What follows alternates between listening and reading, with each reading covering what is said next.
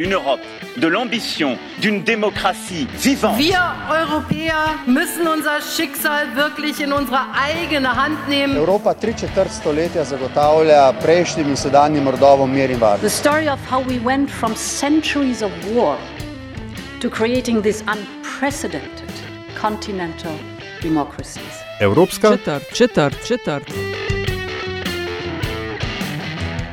I said maybe hundreds of times that we have serious concerns regarding the uh, state of play uh, in Hungary.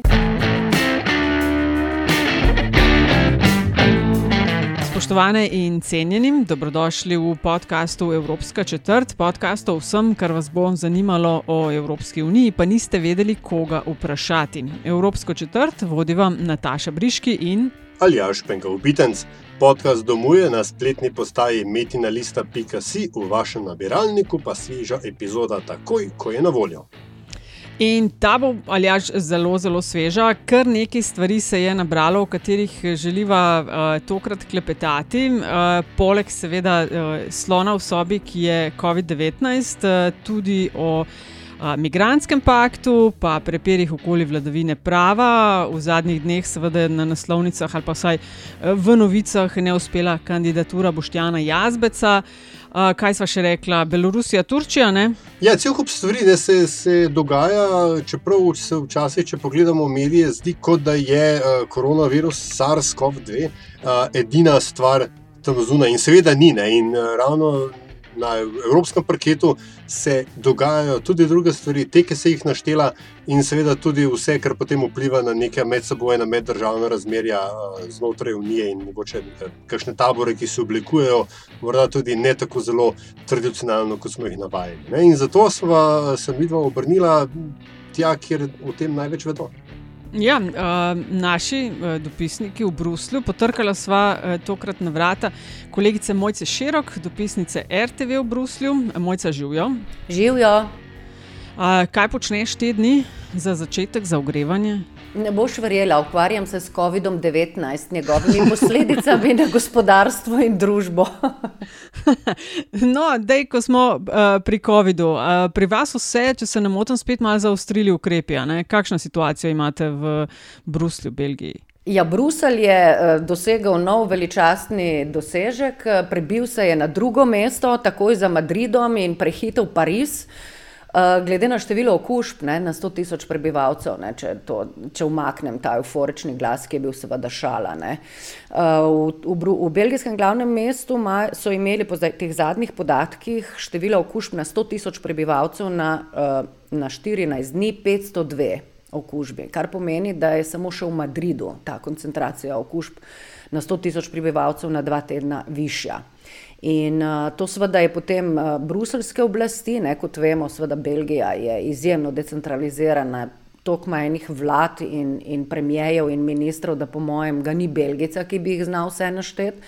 Čakaj, ampak ste pa točno te dni potrdili, ne? Ja, ja, ja, pred tednom dni so dobili uh, zvezdnega premijeja po skoraj da dveh letih, uh, odkar je odstopil Mišel decembra 2018. In pogajanja so trajala pa potem po volitvah maja 2019, ne, več kot leto, leto pa pol. Počasno bo že tako, da je v Belgiji bolj novica to, da vlado ima, kot to, da je nima. Ne? Ja, ja, dejansko. Ampak se je tokrat ni uspela podreti svojega lastnega rekorda iz leta 2010, ne, ko so se pogajali, ne vem, mislim, tam čez 500 dni. Ne.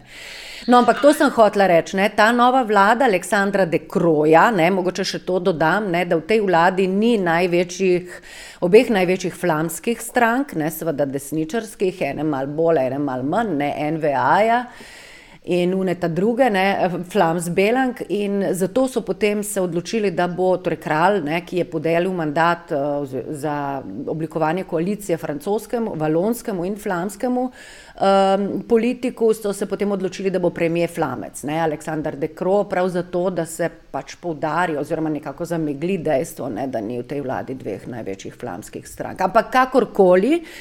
Ta vlada je v torek sprejela, seveda, poostrila te ukrepe. Ne, uh, za, zapiranje barov do 23.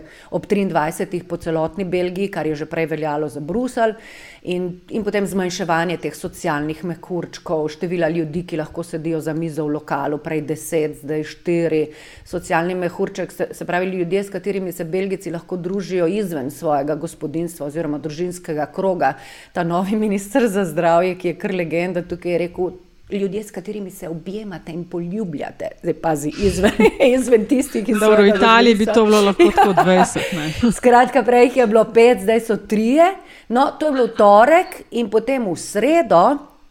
Udari pa seveda ta um, um, bruselski ministerski predsednik regije Brusel ne, in, uh, in od, o, o, zaukaže popolno zaprtje lokalov, kavaren, torej barov in kavaren za mesec dni. Ne, se pravi, tam, kjer strežejo samo pijačo, bodi si alkoholno, bodi si nealkoholno, uh, torej mesec ni nič.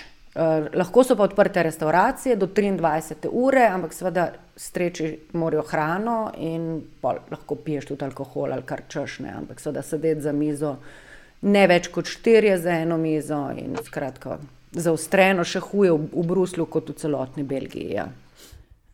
No, zdaj pa povej, preden se lotimo um, še dodatno težkih vprašanj, kot je migranski pakt, pa vladavina prava in tako dalje. Um, kakšna so razmišljala, ali kako smiselno je konec koncev uh, zasedanje ministrov, predstavnikov, ki iz držav po Evropi hodijo v Bruselj na sestanke, če je situacija tako, um, manj rekla, kritična, ampak uh, resnejša, kot je bila. Ja, to je res problem. Ne. Zdaj ta teden sicer ne bo nobenega več. Ne. Ta teden, torej teden mm, je, bilo pred, je predvidenih, oziroma je bilo kar nekaj ministerskih srečanj, ampak so vse AVK, ne, se pravi prek audio-videokonference. Uh, Prejšnji teden, seveda, ne, je tukaj bilo kar nekaj ministrov in bil je tukaj tudi vrh evropskih voditeljev. Vseh 27 se je zbralo, razen švedskega, ki ga je nadomeščala finska kolegica, se je že prej upravičil zaradi uh, smrti v družini. Um, mislim, uh, tako je, ne, seveda so deležni številnih kritik in seveda gre tudi za veliko tveganje iz 27 držav, z vseh koncev Evrope. Seveda z izrazito zmanjšano ekipo, ne? to niso več zdaj procese ljudi, ki hodijo sem. Ne? Vsak premijer si izbere najožji krok sodelavcev, s katerim pride sem. Ampak vseeno ne neka določena tveganja obstajajo, ker se potem ti ljudje tukaj družijo med sabo in z drugimi in se vračajo nazaj v svoje države. Ampak tu, to je res nek dvorezen meč, kaj, kakšen ukrep boš sprejel. Ker izkazalo se je, ne, da vsaj za te vrhove voditeljev držav, če oni niso skupaj v isti sobi, se v ničemer ne dogovorijo. Ne. A res? Ja, zgleda, da se je v vseh teh letih vendarle izoblikovalo to, da mora priti do tega osebnega stika. Ne. Až prejšnji teden, ko so govorili o teh sankcijah proti Belorusiji, ki jih je blokiral Cipr, ker je želel sankcije proti Turčiji zaradi vrtanja v sredoze, vzhodnem sredozemlju. Ne, oni so se potem se dobijo, sedijo tam v tistem jajcu, ne, na Rudlalua, na, na Evropskem svetu in In potem ni šlo, in potem so se dobili dvostransko s ciprskim in grškim predsednikom, najprej Merklova, pa Macron, pa Merklova in Macron, pa spet tu in tako prekinili za dvostranska zasedanja. V tem času se drugi med sabo pogovarjajo. In to je pač ta diplomacija ne, objemov in poljubov, ne, če se navežemo na na um, belgijskega ministra za zdravje, ki potem na koncu vendarle obrodi nek satne, če tudi je to kompromis. In tega ti pač po televiziji, ne, prek AVK-ja nadaljavo ali kakorkoli to danes imenujemo, uh, ne moreš. Ne. Ker tam, kolikor je meni znano, ali kolikor so mi udeleženci to opisovali, pač vsak sedi za svojim računalnikom, prečita, kar si je napisal. In potem praktično neha poslušati, ne, mislim, ali pa vem, štoca po telefonu, si mislim. Um, razprave pa seveda ni, ker je težko, no, če ne ne mogoče.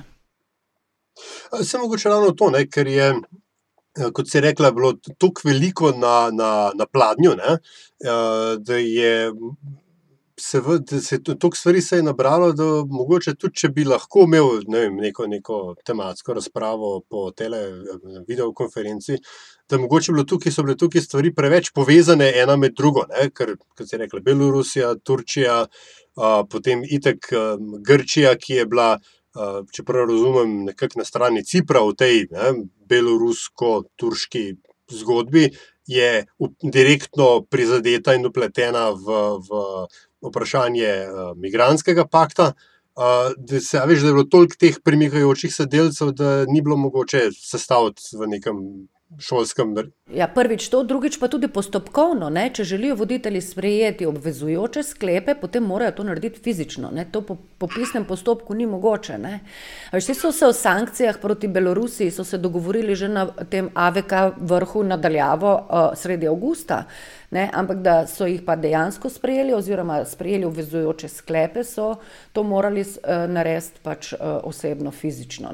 Zdaj, še kratek primer, samo da spomnim. Ne, jaz sem bila takrat na srečo na dopustu in je kolega Jurič to pokrival, ampak vrh uh, o večletnem proračunu in skladu za okrevanje sredi julija, pet dni, ne, skoraj da podrli lastni rekord iz leta 2001 iz Nice. To dve neprespani noči, zdaj si pa predstavljaj, to so nekateri med njimi, kar starejši gospodje, ne, ajš ciprski predsednik, tudi Merklova ne na zadnje, ne, ajš koliko srajc prnesem sabo tokrat, ne, odvisno od tega, koliko težek je problem. Ja, a veš, jaz, recimo, jaz sem tukaj komaj leto dni, ne? jaz pač nisem spremljala teh nekih maratonskih zasedanj, ko, ko so bili aktualni veš, finančni načrti za reševanje Grčije, da ne govorimo o migranske krize takrat 2015, ampak recimo lani jeseni tista dva vrha. Ne, recimo moj prvi, lanski oktobrski, ne, zdaj bo točno leto dni, smo vsi pričakovali, da se ne bojo zmenili niti mrtvi glede Brexita, torej tega famoznega eh, eh, izstopnega sporazuma, ki ga zdaj Johnson veselo krši. Ne? In, in da, bo, da, bo, da bo dogovor o začetku pogajanj z Severno, Severno Makedonijo in Albanijo v petih minutah. In je bilo jih obratno. Ne? O tem Brexitu so se pol dogovorili praktično že pred kosilom. In potem ta Makedonija, to mi nismo mogli verjeti, mi smo tam sedeli ura 10, ura 11, ura polnoč, ura 1. Jaz sem pol ob dveh spokala in sem šla domov, ker nisem imela jutranje, druge jutranje kronike. Ker nisem imela srajce. ja, in srajce ne. A če nimaš ti druge jutranje kronike, rečeno nam je bilo, da premije naš ne bo dal izjave po, po koncu, ampak da jo bo dal zjutraj nisem delala za drugo jutranjo kroniko, kjer je spet ne, ne, na srku bogi moj kolega Jurič in, in sem pa lahko šla domov. Mi ni bilo treba čakati do konca. Ne. Dočim tisti, ki so morali, ne so, ne vem, mislim, da ob treh zjutraj pol končali. Veš, te stvari se. Ko, so, ko je neka fizična bližina, čisto drugače razpletajo, in potem v veliko primerih tudi razpletejo. Ampak to je, to je ta znanje, ne, evropski model nočnih zasedanj ki potem dajo nek zgodni jutrni kompromis. To, to, to smo že večkrat videli. Ne. Ja, pa tudi predstavljaj si, res je to, sam to ne. A veš, to je 27 predsednikov vlad in držav. No, ampak gled, prej si omenila, pač zadnje, zadnje iteracije tega je bilo um, vprašanje uh, Belorusije povezano z vprašanjem turških, um, se pravi, vrtanj, um, preizkusov uh, v vzhodnem sredozemlju, kar pač samo demonstrira tudi, kako zelo velika v smislu interesov različnih ne, je, je EU. Um, kaj je zdaj na tem beloruskem polju, uh, kaj velja? Ker uh, vemo, kaj pa genezo poznamo, Lukašenko je v resnici zdaj nekako bolj kaj nejasno potvoril volitve. Um, priznavajo, ne vem, kaj Evropska unija sploh priznava ali ne za, za legitimnega in legalnega predsednika. Imamo vodje opozicije, ki so razseljeni po više manje po Evropi. Kakšno je zdaj stališče EU, kaj, uh, kakšne so te sankcije, ki so jih sprejeli? Ja, stališče je popolnoma jasno. Ne? To vprašanje, ki si, si ga sam sebi zastavil, je, da torej ne. Evropska unija ne priznava izida volitev, uh, Aleksandr Lukašenko ni uh, legitimen voditelj in voditele, uh, volitve niso bile nepoštene, nepravične. In uh, Evropska unija pripravlja, se je odločila in pripravila seznam sankcij proti odgovornim za nasilje nad protestniki in bolivne prevare. Na njem je tam nekje ne vem, 40 imen in seveda med njimi ni beloruskega predsednika Lukašenka. Okay, recimo, čisto, zakaj, eh, mogoče si, se mi zdi, da mi je jasno, zakaj se to ne zgodi. Ker če daš ti vodjo države, če tudi ga ne priznavaš, ne, Verjetno je on na neki točki oseba, s katero se bo treba pogajati, tudi če v tem primeru morda preko Moskve. Ne. Verjetno je, se tukaj puščajo odprta vrata za kakršen koli, ne vem, dogovor, kaj je. Ne verjamem, da z Lukašenkom. Ne. Tukaj gre pač seveda za neko poli, post, politiko postopnega privijanja, ki pa vendarle do konca ne, ne more ali težko pripelje, vsaj strani Evropske unije, ne, do nekega resnega ukrepa. Ker pač, uh, veš, tukaj smo imeli Cipr, ki je blokiral uh, uh, uvedbo teh sankcij oziroma ga pogojeval z nekim drugim vprašanjem. Ne. Recimo von der Leinova, ko je imela ta svoj nagovor sredi, sredi septembra o stanju Evropske unije, je pozvala voditelje držav, države članice, pozvala, bodite pogumni, je rekla, vsaj v zunanje političnih vprašanjih uvedite glasovanje s kvalificirano večino in ne soglasja. Ker dejansko potem, in s tem je mislila točno ta primer, o katerem zdaj govorimo, ne, v, v nekih pomembnih zunanjih političnih vprašanjih, kjer je pomembno stališče Evropske unije, ki omogoči tudi neka, neke vrste ukrepanje, Eh, ga, niso, ga 27-terica dosti krat ni sposobna doseči, ker pač ni soglasja. Tudi besedišče, ko potem vendarle doseže soglasje za neko obsodbo ali za nek, na, neko napoved ukrepov. Ne? Tudi pri besedišču, tukaj se pogajaš o besedi. Ne? Ali bo eh, prepovedujemo, ali bo ostro obsojamo, ali bo samo obsojamo, ali bo ne strinjamo se. Ne? A veš, to je, to je milijarda besed tlele. Ne? Jaz temu pravim brukselščina, ne? to ni samo ta birokratizem. Kratic in organigramov, ki so še vedno moja boleča točka, ne? ampak tudi vse te nijanse nekega diplomatskega izražanja, ki več niti diplomatsko izražanje ni, ampak je dejansko cepljenje dlake oziroma iskanje dlake v jajcu. Ne? In to je to, veš, gre za to, da date enega Lukašenka na seznam. Jaz ne vem, imaš med 27, pa jih zdaj lahko našteje, ali pa tudi ne, ne. Kar nekaj voditeljev držav, ki, ki tega ne bi nikoli, recimo, pač zaradi nekih zgodovinskih, tradicionalnih povezav s to državo, nikoli na to pristali.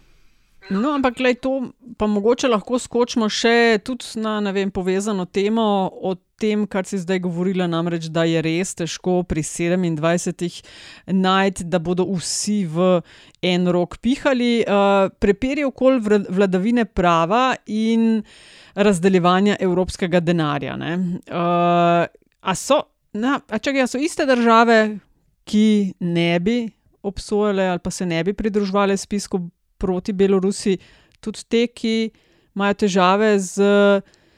Eh, besediščem vladavine prava. Ne, ne, ne čisto iste. Ne, ne, ne, ne čisto iste. Ne. Tukaj gre vseeno za dve ločeni vprašanji. Ne, ne pozamo, da je Poljska tudi tam nekje ne, v soseščini in da so tam sovražniki drugačni. Ne, veš, ja. Tukaj nekatere države sedijo na dveh stolih, ne, tako kot pri evropskem denarju.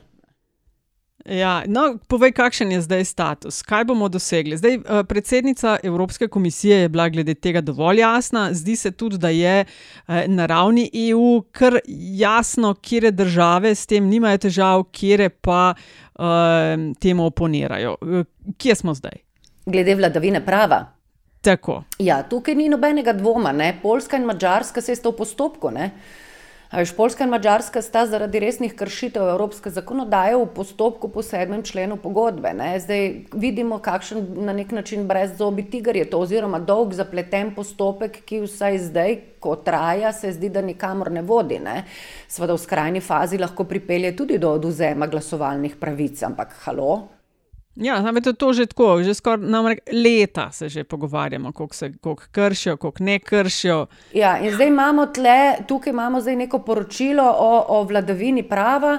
In, um, ne vem, moj občutek je bil, da se je Evropska komisija, že ko ga je predstavila, sama sebi, že sama sebi nadela nek nagobčnik, že medtem, ko ga je predstavljala. Ne, ne mislim podpredsednica Jourova, ki je verjetno res z vsem srcem pri tej stvari, tudi svojo izkušnjo pač odraščanja in življenja v socialistični eh, Češko-Slovaški. A veš, da ti že ko predstaviš poročilo o vladavini prava, rečeš, da to, to, to, je zdaj, to, to je zdaj v bistvu samo en mehanizem za usklajevanje um, poenotenje um, pra, sistemov pravne države po državah članicah. In zdaj sem ti že tri svoje najljubše besede v brukselščini povedala, to so mehanizem, poenotenje in usklajevanje. Ne? Mehanizem vse, za kar veš, da Sicer moraš sproducirati, ampak v bistvu bodo vsi, ki bodo to brali, ki bi to tudi morali brati, prebrali se pri, prve tri odstavke, tako kot na Wikipediji, ne,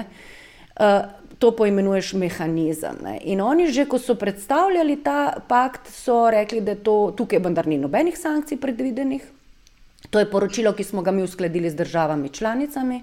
Mi smo se pogovarjali, pazi to, z deležniki, tam je tudi všeč. Ta je meni tudi lepa, ta je res, ta je ena lepših zadnje leta. Deležnik, jaz sem jezikoslovca, mi, jeziko, mi vemo, kaj je deležnik. Ne, jaz ne vem, kaj je deležnik v tem primeru. Zgleda, da so to vsi, pre, da so to predstavniki različnih delov družbe, s katerimi se ti pogovarjaš o določeni stvari. Ne, ne vem. Ja, na, na primeru Pogače, to je delež, to so ti deležniki. Sodelujoči v tej razpravi, skratka, in, in, um, in na podlagi pač posvetovanj in poročil, ki so jih podale posamezne države in, in svojih lastnih ugotovitev, je komisija potem oblikovala to uh, poročilo. Ne? Komisar Reinders tudi v, v tem kratkem pogovoru, ki sem ga imela jaz osebno z njim, je, je strogo poudaril, ker sem ga pač vprašala, zakaj v bistvu glede slovenskega poročila ne, nismo v končnem poročilu opazili nič kaj tega, teh pripomb, ki jih je slovenska vlada posebej ne, poslala v, v Bruselj. In, in je on rekel, da seveda oni so se posvetovali z vsemi deležniki in prisluhnili in, in pozorno prebrali vse, ampak je rekel, presoja je na zadnje presoje Evropske komisije. Ne. Tisto, kar so oni zapisali, je to, kar oni menijo, oziroma kar so oni presodili na podlagi vseh teh zbranih mnen, da je stanje v tej državi. Ne. Ampak hočem ti reči, to je v bistvu za Polsko in Mačarsko, proti katerima recimo, da, oziroma zaradi težav, katerima, ki jih ima z njima ta eh, Evropska unija, bil potreben še en tak nov mehanizem, ker se pač postopek po sedmem členu ne premakne nikamor. To je bilo spet pogrevanje tople vode ne? in tudi v bistvu ukrepanje, ukrepanje tukaj ni. Ne? In če samo sklenem še to, ne, da ne bo, jaz se pa vedno vprašam, ne, a je potem, a, ampak a je sploh potrebno? A razumeš na koncu neko ukrepanje, neke sankcije?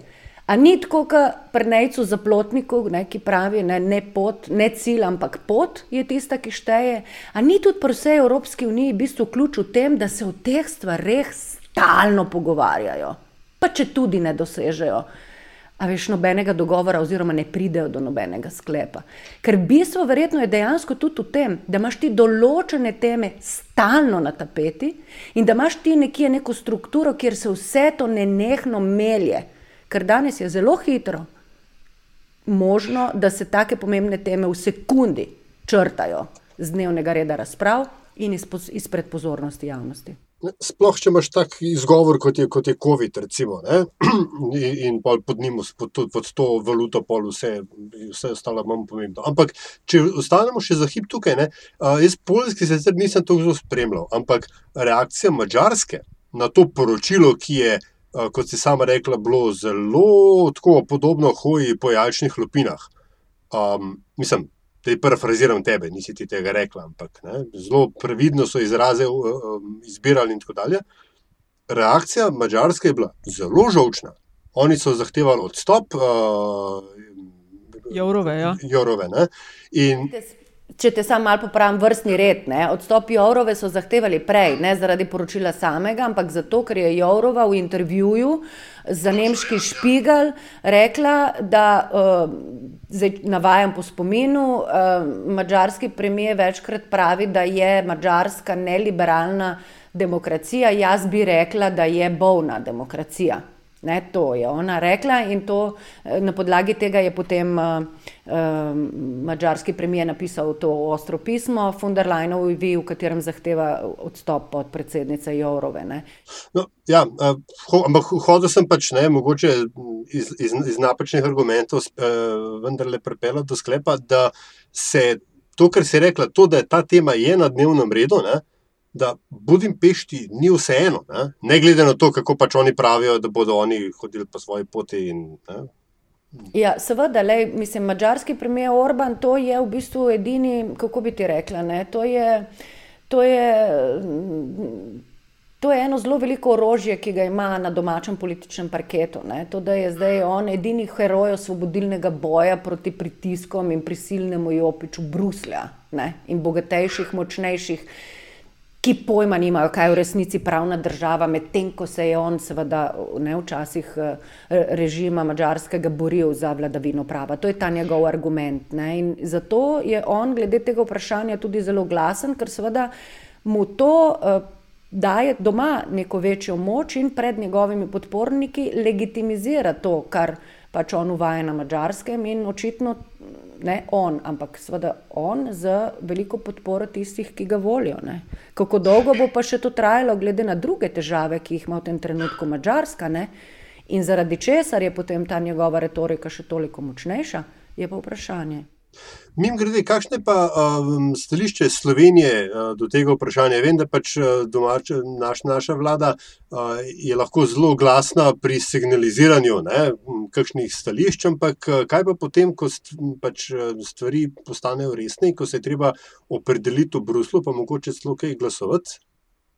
No, ne vem, zdaj, na kaj točno se nanaša to tvoje vprašanje, pa glede tega poročila o vladavini prava je eh, premijer Janša na tem AVK, ne, se pravi tiskovni konferenci nadaljavo, ki jo je imel z nami štirimi uh, slovenskimi dopisniki v Brusu, dejal, da tega poročila še ni prebral. Da na vrhu prvega, drugega o tem sploh ni nihče, ni, tega sploh ni bilo na mizi itak, ampak tudi sicer, da ni o tem nihče kaj veliko razpravljal, sam pa da tega poročila ne pozna, ker ga še ni prebral. In glede na to, zdaj seveda spet navajam po spominu, ampak mislim, da se zelo dobro spomnim te izjave, glede na to, da o tem niso tam govorili niti ob robu veliko, po njegovem pomeni, da to ni nič kaj takega. Mhm. Okay. Konec približnega okay. navedka.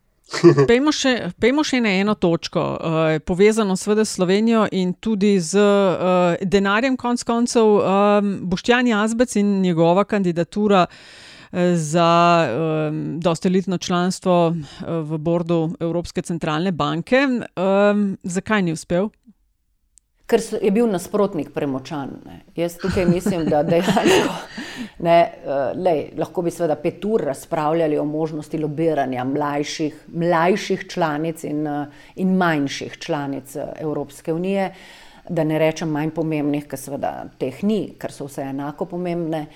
Um, mislim, da je kolikor sem jaz uspela seveda z, iz zelo redko besednih sogovornikov uh, razumeti, uh, dogajanje, menim, da je tukaj verjetno res šlo za to, da je bil pač nizozemec premočan. In da, seveda, to izhaja iz tega, da te pomembnejše države ne, uh, niso še pripravljene na to, da bi mesta v tem dejansko pomembnem organu prepustile ne, nekim južnjakom oziroma nekim nekim parvenijem. Ne. Zdaj, upam, da nisem bila preveč brutalna s tem opisom. Ne. Dejansko je šlo za razkol med tema dvema miselnostma, v, ma, ma na splošno zdaj v tem trenutku v Evropski uniji, glede razprav o denarju in uh, seveda pri politiki uh, Evropske centralne, denarni politiki Evropske centralne banke. Ne. Med tistimi, ki bi pa želeli nadaljevati to širokosrčno um, uh, politiko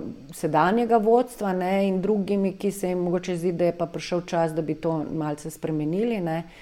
In, uh, in tukaj, je bil, tukaj je imel nizozemc res eno veliko podporo. Zdaj, seveda, Nizozemci je bil, če te prav razumem, status quo varianta. Mislim, ja, ne. Na nek način. Ta bord je itak nekaj posebnega. Ne. Zdaj, tle po defaultu. Pač, po neki ustaljeni navadi, ne, morajo štiri največja gospodarstva Evropske unije, torej območja evra, pardon, tle govorimo o območju evra, imeti noter predstavnika. Zdaj, francozinja je predsednica, potem imaš eh, Portugalca, Italijana, Irca, eh, Nemko.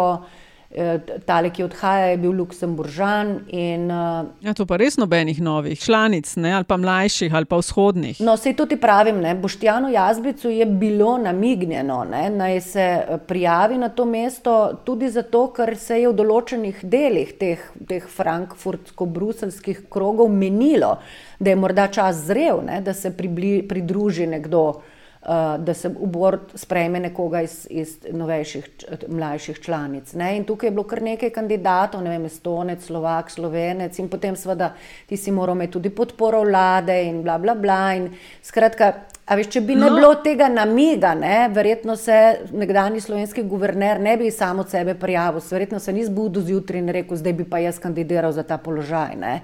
Verjetno ja, mu je ja, ja. bilo iz nekih krogov, ki štejejo, namignjeno, da ima dobre možnosti. In ko je ja. potem preveril da, in dobil zagotovilo, da ima podporo vlade, se je verjetno tudi za to prijavil na, na to mesto. Ne. In potem je bilo pa seveda vse v rokah, v rokah uh, držav članic. In, in, in tukaj, veš, na koncu sta Nemčija in Francija tisti, ki, ki prevladata. Kako je kdo glasoval, ne vem. Tudi ministr Šircel tega ni želel povedati, tudi ne predsednik Evroskupine Donahue, ker je to tajno. Oni glasujejo, tajno glasujejo, ampak potem tisti, ki je dobil več glasov, ne, postane kandidat vseh in na zadnjega podprejo s soglasjem. Tako da ti jaz zdaj ne znam povedati, ne. mogoče ve Boštjan Jazvec, mogoče ne, zagotovo ve ministr Šircel, ne vem pa, če bo komu povedal. Skratka, A veš, kaj bi te klele še vprašala? Uh, dobro, že, že da je prišel v finale, je verjetno kar kompliment. Ne? Ampak to je funkcija, na katero te ne, kot vem, kandidira država. Ne, ne, njegov... ne se ni bilo nobenega finala, ne? ne vem, če smo se razumeli. Ti se pač prijaviš, ne? ampak veš, ne boš se ti zdaj zjutraj zbudila in rekla, zdaj bom pa jaz le kandidirala. Veš, ti tukaj verjetno. Uh, Pač, uh, to je, ja, ampak ni pa to tako kot funkcija, ne vem, evropski komisar, kjer iz države določijo, kdo, uh, kdo to bo. Ne? Me zanima, če, uh, ja, sem se si deloma odgovorila, da minister Šircel ni povedal, uh, ni dal odgovor, ampak. Uh, Da dobiš takšno funkcijo, je sigurno povezano tudi z hudim lobiranjem same države za to pozicijo. In klele, a veš, kle, kle me zanima, kje je Slovenija bila, koliko zelo se je trudila ali pa ne trudila, da bi jazbec to postal. Veš, kaj pri nas smo naši, vaši. Ne? Če ga je imenoval vaš, pa če tudi bi naš pol šel na ne vem, kjero funkcijo, ne, ne bomo dali podpore, ker naši, vaši. Ne, tukaj ni. Veš, jaz mislim, da tle je pač nekdani guverner Banke Slovenije imel podporo vlade. Uh, ker se verjetno, če bi je ne imel, ne bi niti na to mesto prijavil. In tukaj ni problem, ker ko govorimo o, o lobiranju, vsaj za ta položaj, mislim, da ni pro, samo problem Slovenije. Ne. Tukaj imajo problem vse te nove članice, ki morda niso toliko spretne pri tem lobiranju, kot so starejše. In, in še to, kolikor jaz vem, tukaj ni imel eh, jazbec samo podpore teh novejših članic, ki bi želele recimo nekoga ne, iz teh. Eh, iz svojih vrst v odboru, ampak eh, tudi vseh južnih držav. Ne? A veš, teh držav, ki pač si prizadeva, ki so vse čas v nekem nasprotju ne, s to strogo fiskalno politiko severa. In, eh, in tako da je kar imel eno široko podporo, ne, po mojem, ne, tudi Španije, Grčije, Italije. In zdaj, a veš, na koncu, kot vedno, ne, prevladata dve največji gospodarstvi, Francija in Nemčija. Zdaj, kako sta se odločili Francija in Nemčija? Mislim, da je jasno, glede na to, da je pač dobil nizozemc. Da, ampak hočem reči, mislim, da Jazbec v tej zgodbi ni bil sam ali pa kandidat Slovenije, ne? ampak da je imel veliko širšo podporo evropskega juga in navednice spodaj nove Evrope, navednice zgoraj, kar pa vseeno ni bilo dovolj, ne? da bi v tej. A veš, konservativni bančni ustanovi vendarle, ne, to gre za druge kroge, ne, to, so, to, to je denar, to so, veš, to, to so drugačni ambienti, ne, kot mogoče pri vladavini prava, pri migracijah. Ne. Tudi za druge teme gre. Skratka, da bi tam premagal to, te močnejše, uh, uh, starejše, trdnejše, uh, finančno stabilnejše demokracije. A je mogoče tukaj tudi, da rečem, tolažilna nagrada nizozemski, ki sta jo pač Nemčija in Francija, sti precej zvijala roko ravno na finančnem trgu, ne? ker so bili nizozemci zelo proti tej um, mutualizaciji evropskega zadržovanja in, in tako dalje. Ne? No, zdaj si pa zadev žebljico na glavico ne, in si povedal v bistvu tisti zadnji odsvirk, ki sem si ga prihranila za konec. Hvala ti za istočnico, Lej, ne na zadnje je pa tudi ta zgodba, kot vsaka druga, seveda uh, zgodba mešetarjanja, kupčkanja do ud des, kot bi rekli naj, raziskovalci italijanske politične korupcije, do ud des sistema. Ne. Ti meni nekaj daš, jaz tebi nekaj dam. Skratka, verjetno je tu v ozadju šlo tudi za neuradno, seveda, take vrste eh, pač pogajanja, da ne rečem trgovino. No, ampak mm. samo tako, da ne bo preveč tragično, boštevanje jazbecu ne bo hudega, ne, s tem, ko, ko ni bil. Mislim, veš kaj, Boštjan Jazbec je od leta, od marca 2018 direktor na, v tem enotnem odboru za reševanje bank, za reševanje, ki je novi organ Evropske bančne unije tukaj v Bruslu in uh, Mislim, da ima, po mojem mnenju, čeprav dešifriram ne, vse te titule in opise njegovega delovnega mesta, zelo zanimivo, zelo uh, zahtevno, polno, delo polno izzivov in po mojem mnenju, mu, kot si dejal, če lahko ponovim za ta bo res ne bo hudgane. Ko smo mojca pri izzivih, eden uh, velik izziv čaka Slovenijo čez uh, slabo leto, ko bomo iz rok uh, Portugalcev preze, prevzeli predsedovanje Evropskemu svetu. Um, ekipa se krepi, berem, uh, je dogajanje živahno, primerno resnosti tega, kar nas čaka, ali, še, ali se še malo iščemo. Mislim, da se še iščemo, ampak smernice so jasne. Ne? To je pač. Uh, vlada premijeja Janša takoj po nastopu uh, tudi tukaj pač razjasnila svoje prioritete in zagnala motor. Ne. Prvi prva postaja tem, na tej poti je bila revizija vsega, kar je bilo dotlej narejenega. Ne, to so jasno povedali ne, na kadrovskem, finančnem in vsebinskem področju. Da ne bom tako skrivnostna, ne v Brukselščini, uh, pregledali so vse, kar je dotlej sprejela ša, vlada, vlada nekdanjega premijeja Šarca in potem to seveda spremenjali, ko je bilo to potrebno. In zdaj pač so v teku, uh, um, kako se reče po slovensko. Uh, ne več izbiranja kandidatov, ampak um, uvajanje teh kandidatov v to delo in vsi ti postopki, no, ki jih je potrebno sprejeti, da je pač nekdo potem napoten na to delovno mesto. Mislim, da se je v tem postopku pojavila za kandidate tudi ena zelo nevesela novica in to je, da bojo imeli, mislim, da za 8 odstotkov niže plače, ker je prišlo do nekega uravnavanja um, življenjskih stroškov, ampak tukaj ne poznam podrobnosti, tako da ne bi več eh, globlje razumel. Niže plače za te, ki bodo vključeni, delovke in delavce. Delovke in delavce, javne uslužbence, napotene na delo v tujino v okviru slovenskega predsedovanja Evropske unije. Um, in, um, in, in tako da se te stvari odvijajo. Mislim, jaz imam občutek, da kar tečejo zadeve, no, da so zelo aktivni. Sej, mislim, da bi bilo izjemno nespametno, če bi ne. Eh, če bi te stvari ne bile take, ker, kot si rekla, že, se že zelo hitro približuje ta, ta datum. Uh, in uh, glede vsebin, veš, bo pa tudi, po mojem, vse čas potrebno ne, usklajevanje, poenotenje, prilagajanje, ampak iz nobenih drugih razlogov, kot iz razvoja pandemije, epidemije oziroma celotne te COVID-19 situacije. Uh, Ker vidiš, kaj se je zgodilo Hrvatom, oni so imeli izjemno lepe načrte in vse. Ne? In potem se jim marca pač se zgodi eh, zaprtje družbe, gospodarstva, meja in vsega, in so potem eksperimentirali ne? vse nadaljavo. Tako da tudi Slovenija je morala zelo prilagoditi svoje načrte in še jih bo pač morala prilagajati, glede na to, kako se bodo te zadeve odvijale ne? v prihodnjih mesecih. Ja, ja. Le, jaz mislim, da ja, kot, kot, kot smo rekli za jazbeca, jaz tudi tukaj mislim, da Slovenija ne bo veliko hudega ne, v tem predsedovanju, ne, da je danes zelo, zelo težko, ne, da stvari popolnoma uh, pokvariš. Ne, ker predsedovanje zdaj ni več tako, kot je bilo takrat, ko je Slovenija prvič predsedovala, ne, zdaj imamo ne, druge funkcije predsednika Evropskega sveta in in se stvari v glavnem odvijajo tukaj v Bruslu. Ne. Pomembno je, sveda, pomembna je ta organizacijska raven, ne, kako si ti v bistvu usposobil svoje ljudi, da pripravijo te posamezne dosjeje, o katerih potem tukaj razpravljajo na različnih ravneh. Ne. In uh, In to so zelo strokovne zadeve. Dosje, ja. Lej, mislim, če imate dve minuti, vas lahko malo zabavam no, s temi kraticami in organigrami in, in tem, ne, kako se tle ljudje pogovarjajo. Pa me zanima, če bi kdaj kakšen svoj prispevek na ta način napisala, kaj bi, bi mi pol takoj naslednji dan preletela kuverta z odpovedjo. ja.